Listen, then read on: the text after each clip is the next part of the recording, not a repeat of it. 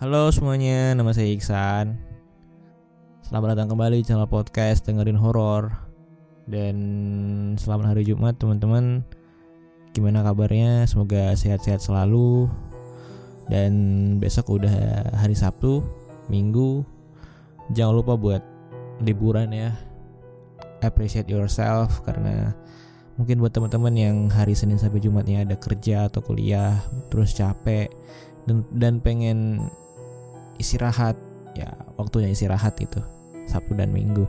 Entah itu pergi ke mana atau cukup di rumah atau di kamar sendirian. Dan itu cukup menenangkan diri kamu ya sudah lakukan aja. Well jadi aku mau ngupload lagi episode terbaru dari episode episode episode episode dengerin horor.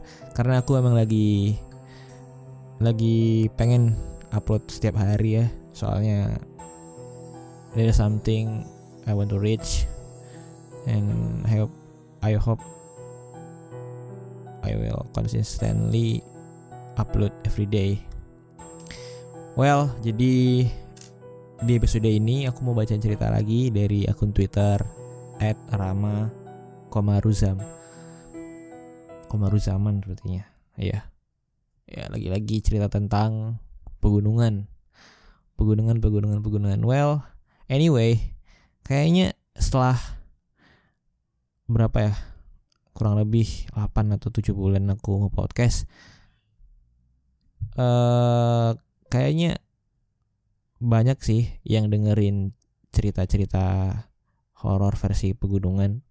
Soalnya sepertinya banyak juga pendaki-pendaki yang nge-share podcast aku di sosial media dia. Katanya wah ini sesuai dengan apa yang ia alami juga dan benar-benar terus story. Ya aku cukup senang gitu kan. Terima kasih ya sudah share ke teman-temannya. Well, kita mulai aja. Jadi ini ceritanya berjudul Kisah Mistis Hilang enam Hari di Gunung Muro. Oke, jadi ini tuh tweet dari akun Twitter @rama_komaruzaman tapi hmm, tweet ini menurut penulis tweet ini dia ini dapat cerita dari narasumbernya narasumbernya dari Instagram at Indra Wijaya Arta Kesuma.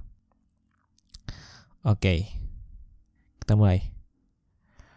Ceritanya ketika saya mengantar adik saya pada bulan Desember pindah tugas, di tempat baru adik saya ada sebuah gunung yang membuat saya tertarik untuk mendakinya. Namanya Gunung Usung. Saya ingin mencoba mendakinya karena saya tertarik dengan alam. Saya sangat mencintai alam. Esoknya, saya bertanya-tanya kepada warga. Saya pun penasaran dengan referensi beberapa gunung lainnya. Di antaranya Gunung Bondan, Gunung Bondang, dan Gunung Muro. Awalnya saya tertarik sebelumnya dengan Gunung Bondang. Tapi kata warga sekitar, gunung tersebut tidak bisa didaki karena tempat itu tempat orang cari ilmu kalau ke sana gak bisa pulang. Sebelum-sebelumnya, dulu kata warga pernah ada yang gak pulang. Setelah saya bertanya-tanya, karena gunung itu gak bisa didaki, akhirnya saya memutuskan untuk mendaki Gunung Muro. Karena tingkat keamanan dan risikonya tidak terlalu besar. Karena di sekeliling Gunung Muro adalah pemukiman. Akhirnya, setelah saya tahu akses menuju Gunung Muro, lewat jalan mana, pos pertama di mana, saya mulai pendakian tanggal 31 Mei tahun 2019, hari Jumat. Gunung Muro berada di desa Olung Muro. Awalnya saya mau lihat sunrise, tapi karena dapat kabar ada yang baru meninggal di gunung, akhirnya saya memutuskan mau lihat sunset. Saya mulai nanjak jam 4 sore bukannya saya meremehkan Gunung Muro. Tapi yang sangat saya sesalkan adalah cuma bawa perlengkapan seadanya. Karena saya pikir malam itu bakal pulang selama saya ingat jalur. Yang paling fatal, saya nggak bawa kompas waktu itu. Karena saya nggak tahu arah barat, selatan, utara, yang saya tahu hanya depan, kanan, kiri, cuma belakang. Selama mendaki tidak ada masalah berat, cuma agak lama mendakinya. Standar pendakian satu jam, tapi waktu itu saya mendaki satu jam lebih karena saya ingat jalur untuk saya pulang. Oh saya ingat-ingat jalur untuk saya pulang. Oh jadi dia sekalian pas selagi dia nanjak itu dia sekalian nginget-nginget jalan buat pulang biar nggak tersesat kali ya. Oke jadi di puncak eh di puncak di puncak saya nggak lama. Setelah lihat sunset saya langsung turun. Saya lihat HP sekitar jam 7 jam setengah 7 malam waktu perjalanan turun saya jatuh terperosok ke arah kiri gunung terperosok meninggalkan jalur ada sekitar 50-an meter. Saat jatuh terperosok, tidak guling-guling. Masih bisa menahan pakai tangan kaki. Kemudian saya pegang ranting kayu. Kaki juga sering terbentur sama batang. Batang-batang, batang pohon maksudnya. Tidak mungkin saya naik ke atas lagi karena sudah lumayan jauh. Akhirnya saya lebih memilih ke arah jalur sungai yang ada di mindset saya waktu itu ketika saya mengikuti arah sungai pasti akan menemukan jalan pulang. Waktu itu saya berpikir tidak takut tersesat, tapi ternyata jalur yang saya lalui beda. Jalur gunungnya bercabang-cabang, jalur cabangnya hampir sama dengan jalur utamanya. Saya turun-turun-turun terus sampai saya dapat sungai.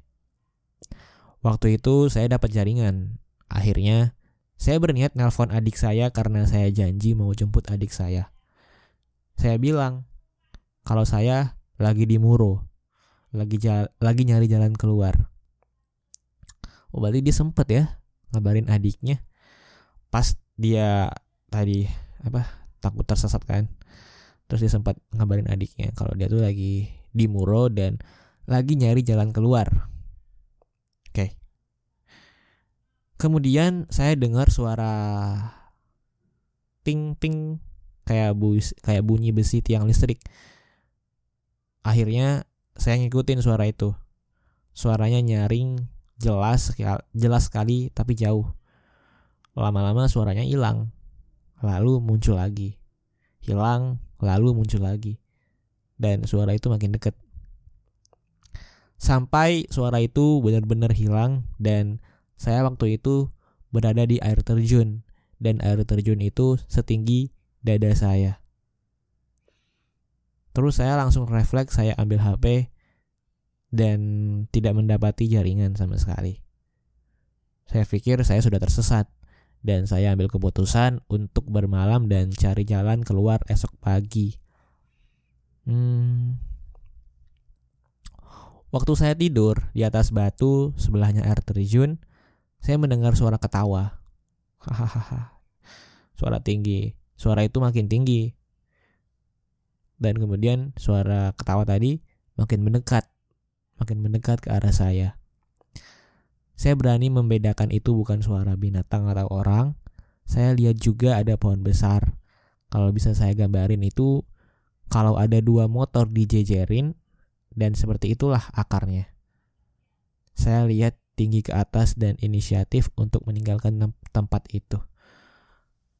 Bentar-bentar. Ada dua motor dijajarin. Dan seperti itulah akarnya. Buset, besar banget ya. Akarnya aja segede itu. Gimana pohonnya ya? Hmm. Karena saya berpikir mungkin mungkin penghuninya tidak senang saya berada di situ, saya tidak ingin membalas komunikasinya. Akhirnya saya menjauh dari suara itu dan saya mendapati tempat yang agak rata. Saya pakai jas hujan dan tas buat bantal. Akhirnya saya tidur. Saat itu saya mendengar suara mendesah kayak orang nafas. Pikir saya, mungkin itu suara hembusan angin. Kemudian memasuki hari kedua hilang. Tadi pagi, tadi hari pertama, sekarang udah memasuki hari kedua dia hilang. Pagi itu saya mandi di air terjun agak dalam airnya. Kemudian saya jalan lagi, istirahat, jalan lagi, istirahat, sampai maghrib. Anehnya, saya balik lagi ke air terjun tadi. Padahal saya ngikutin arah bawah loh. Tapi kenapa bisa sampai ke air terjun tadi? Saya masih ingat betul waktu itu antara terang dan gelap. Di situ saya sudah kehilangan baterai HP saya mati. Saya nggak tahu jam berapa pastinya. Saya masih ingat di dekat air terjun itu terdapat jembatan. Tapi kayak jembatan itu bukan akses jalur manusia. Dari depan sampai belakang itu lebat. Jadi asumsi saya itu buat akses hewan buat cari makan atau bisa jadi jembatan yang sudah lama gak kepakai. Malam itu hari kedua saya tidur di, di daerah situ lagi. Tiba-tiba saya kebangun. Akhirnya sambil jalan malam, kebetulan senter masih nyala. Saya jalan sampai dini hari, kemudian saya menemukan sebuah pondok di situ. Oke, sekarang masuk ke hari ketiga. Hari ketiga dia hilang. sampai sampai nunggu pagi saya lihat ada bekas sampah-sampah rokok mie instan. Terus saya lihat kondisi sampah itu masih baru. Saya pikir di sini ada seorang ada sering lewat. Lewat orang maksudnya. Karena waktu saya berangkat nggak lewat sini. Tapi memang ada jalan, jalannya curam, tanjakannya tinggi, dan terus menurun. Di hari ketiga ini, saya menyisir jalan ke kanan, ke kiri, tapi nggak nemu jalan pulang. Terus saya inisiatif siangnya untuk mencari puncak Muro. Untuk memulihkan tenaga, saya lihat ada tunas pisang yang baru tumbuh. Kebetulan saya bawa gunting, saya nggak bawa pisau atau parang. Jadi saya gunting tunas pisang itu. Saya potong kecil-kecil. Saya makan bukan karena saya biar kenyang atau untuk mengganjal perut saya, saya ingin memulihkan tenaga saya. Saya ingin mencapai, saya ingin mencari puncak Moro. Biar pas saya sampai puncak Moro, saya masih ingat betul jalur turun yang waktu itu saya pikirkan pada saat menanjak tadi. Akhirnya saya makan tunas pisang itu rasanya kurang terlalu nyaman bagi saya. Jujur aku pribadi baru tahu ya kalau tunas pisang itu bisa dimakan dan itu termasuk survival juga sih teknik teknik survival di alam bebas hmm, keren juga nih pelajaran baru ya oke kita lanjut aja setelah tadi dia makan tunas terus tunasnya dia bilang kalau kurang terlalu nyaman bagi dia kemudian kebetulan waktu itu ada sungai saya mandi sambil menyus sambil menyusuri sungai ada sebuah jirigen yang sudah dipotong. Saya memakai jirigen untuk mengambil ikan di sungai. Oh sorry ada notif WhatsApp. Oke. okay. Saya memakai jirigen untuk mengambil ikan di sungai. Ikannya kecil-kecil. Saya masih ingat saya dapat empat ikan. Tapi yang saya masak hanya tiga karena mungkin yang satunya hilang loncat-loncat. Terus saya makan, terus lemah, terus saya tertidur. Kemudian saya bangun untuk mencari puncak Moro. Tapi anehnya nggak nemu-nemu. Udah sekitar 2 km jalan tapi tetap nggak nemu. Padahal puncak Moro tuh udah kelihatan. Akhirnya saya balik lagi ke pondok itu. Saat di pondok itu saya sudah gak bisa membedain itu suara apa atau penampakan apa. Yang pastinya suaranya udah jadi satu. Suara hutan intinya. Oke sekarang sudah masuk hari keempat. Hilang. Hari keempat saya tetap bertahan di sekitaran pondok itu. Saya hampir nyerah karena tidak menemukan jalan ke puncak Muro.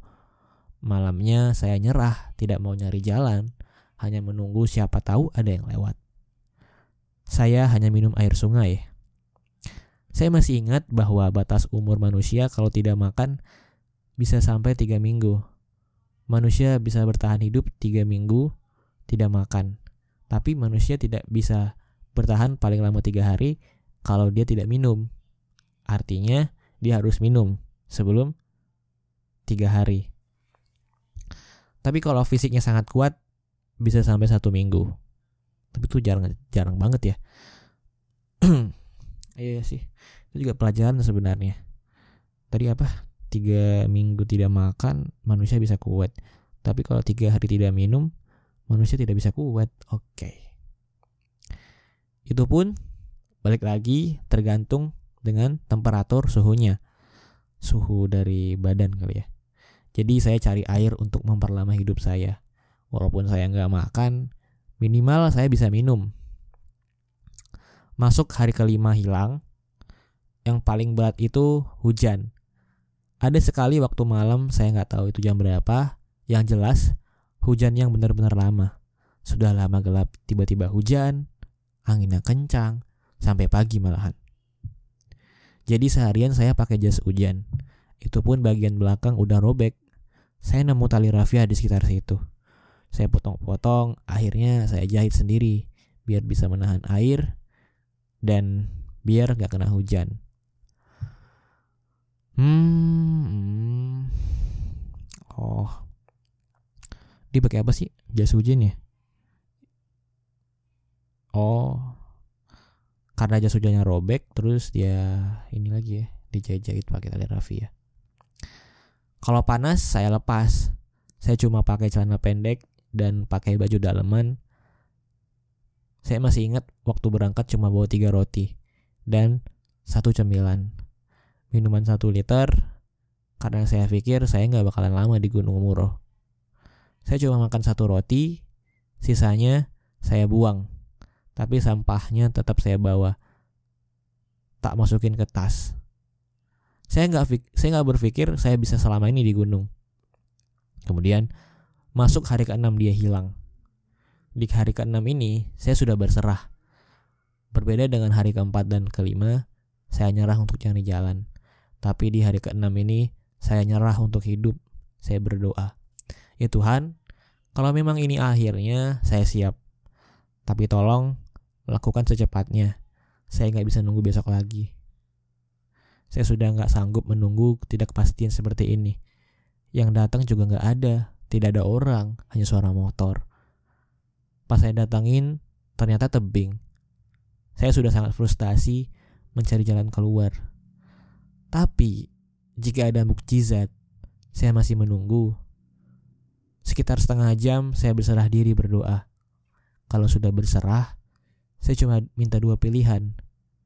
Jika Tuhan berkehendak, saya mati di situ tiba-tiba ada batang kayu jatuh menumpu saya, kan bisa saja saya mati. Eh, bentar, bentar, bentar. I, I don't, don't get it. Oke, kita ulang.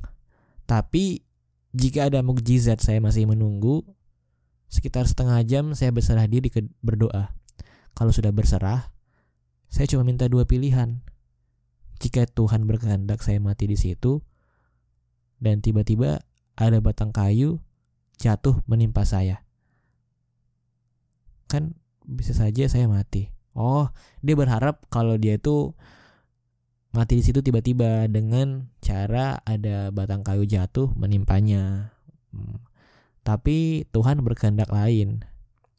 Tuhan memberikan saya mukjizat. Tiba-tiba ada orang yang manggil saya. Ada om-om. Oi, oi, oi, oi, oi. Saya bangun, saya lepas penutup jaket hoodie saya. Iya om, om bisa bantu saya. Kebetulan waktu itu saya masih sadar, cuma kondisinya masih masih lemah, kunang-kunang mata saya. Terus ada percakapan saya. Om, bisa bantu saya untuk mencari jalan keluar? Bisa. Kamu yang kemarin hilang kan? Kamu yang kemarin Jumat naik ke atas kan? Iya om. Iya, soalnya saya lihat sepatu kamu, saya dipesenin sama orang bawah. Jika ada yang tersesat di atas, waktu itu saya ditawarin makan sama om yang menemukan saya. Oh, Oke. Jadi om-om tadi ini ngelihat ngelihat sepatu ngelihat sepatu orang ini terus dipesanin sama orang bawah kalau misalnya ada yang tersesat di atas. Kemudian orang ini ketemu dengan om-om tadi dan dia ditawarin makan sama om-om yang menemukan dia. Kayak gini percakapannya. Makan dulu kamu. Gak mungkin kamu gak makan kan? Mereka yang menemukan saya adalah orang berburu. Ada tiga orang. Dua orang masih seumuran saya. Waktu itu, saya makan sarden sambil menunggu saya makan, memulihkan tenaga. Mereka mancing ikan dulu. Mereka berjanji tidak jadi berburu, hanya mancing ikan sebentar. Singkat cerita, pukul 7.48 kita turun Sekitar satu jaman lebih kita sudah sampai di kaki gunung desa Olong Muro. Saya diajak ke rumah mereka sekitar 20 km jaraknya dari kaki Gunung Muro. Sampai di sana, saya telepon adik saya. Tapi nggak diangkat. Terus saya menghubungi ayah saya. Saya bilang ke ayah saya, kalau saya di sini tuh baik-baik aja. Saya bermalam di situ. Hari ketujuh, besoknya tim SAR datang. Saya pun ngobrol-ngobrol sama tim SAR. Anehnya waktu itu tim SAR hanya Anehnya, waktu itu tim SAR saat saya tersesat juga berada di pondok tempat saya berteduh. Kata tim SAR memang tempat tersebut tempat orang berburu. Tim SAR bilang dua hingga tiga kali menyusuri pondok yang dekat sungai, tapi tidak menemukan jejak saya. Saya juga tidak menemukan jejak manusia. Tim SAR bilang 2-3 kali menyusuri pondok yang dekat sungai, tapi tidak menemukan jejak saya. Itulah pengalaman saya tersesat di gunung. Mohon maaf tidak bisa saya ceritakan detailnya menit per menit, jam per jam. Pesan saya untuk teman-teman yang lain, jangan pernah meremehkan hal kecil. Lihat kondisi fisik, jalur, bawa perlengkapan yang diperlukan, misalnya kompas. Jangan pernah mencoba menaklukkan alam karena kamu gak akan ditaklukkan alam. Alam itu ganas bro. Cintailah alam, maka dia akan mencintaimu juga. Baik. Kayak itu aja buat episode malam ini dari Mas Indra Wijaya Artakesuma dan Mas Rama Komaruzaman. Well, terima kasih teman-teman yang sudah mendengarkan sampai habis. Yang su yang sudah mendengarkan sampai habis di Apple Podcast terima kasih. Dan yang sudah share dan mendengarkan, mendengarkan sampai habis di Spotify terima kasih juga. Aku Iksan sampai jumpa lagi di episode berikutnya. Eh tunggu tunggu tunggu kalau misalnya teman-teman ada yang mau berbagi cerita juga bisa langsung kirim ke email aku dengerin horror at gmail.com atau lewat DM di at baca horror. Eh bukan. Eh iya at baca horror. Terima kasih. Aku Iksan. Bye bye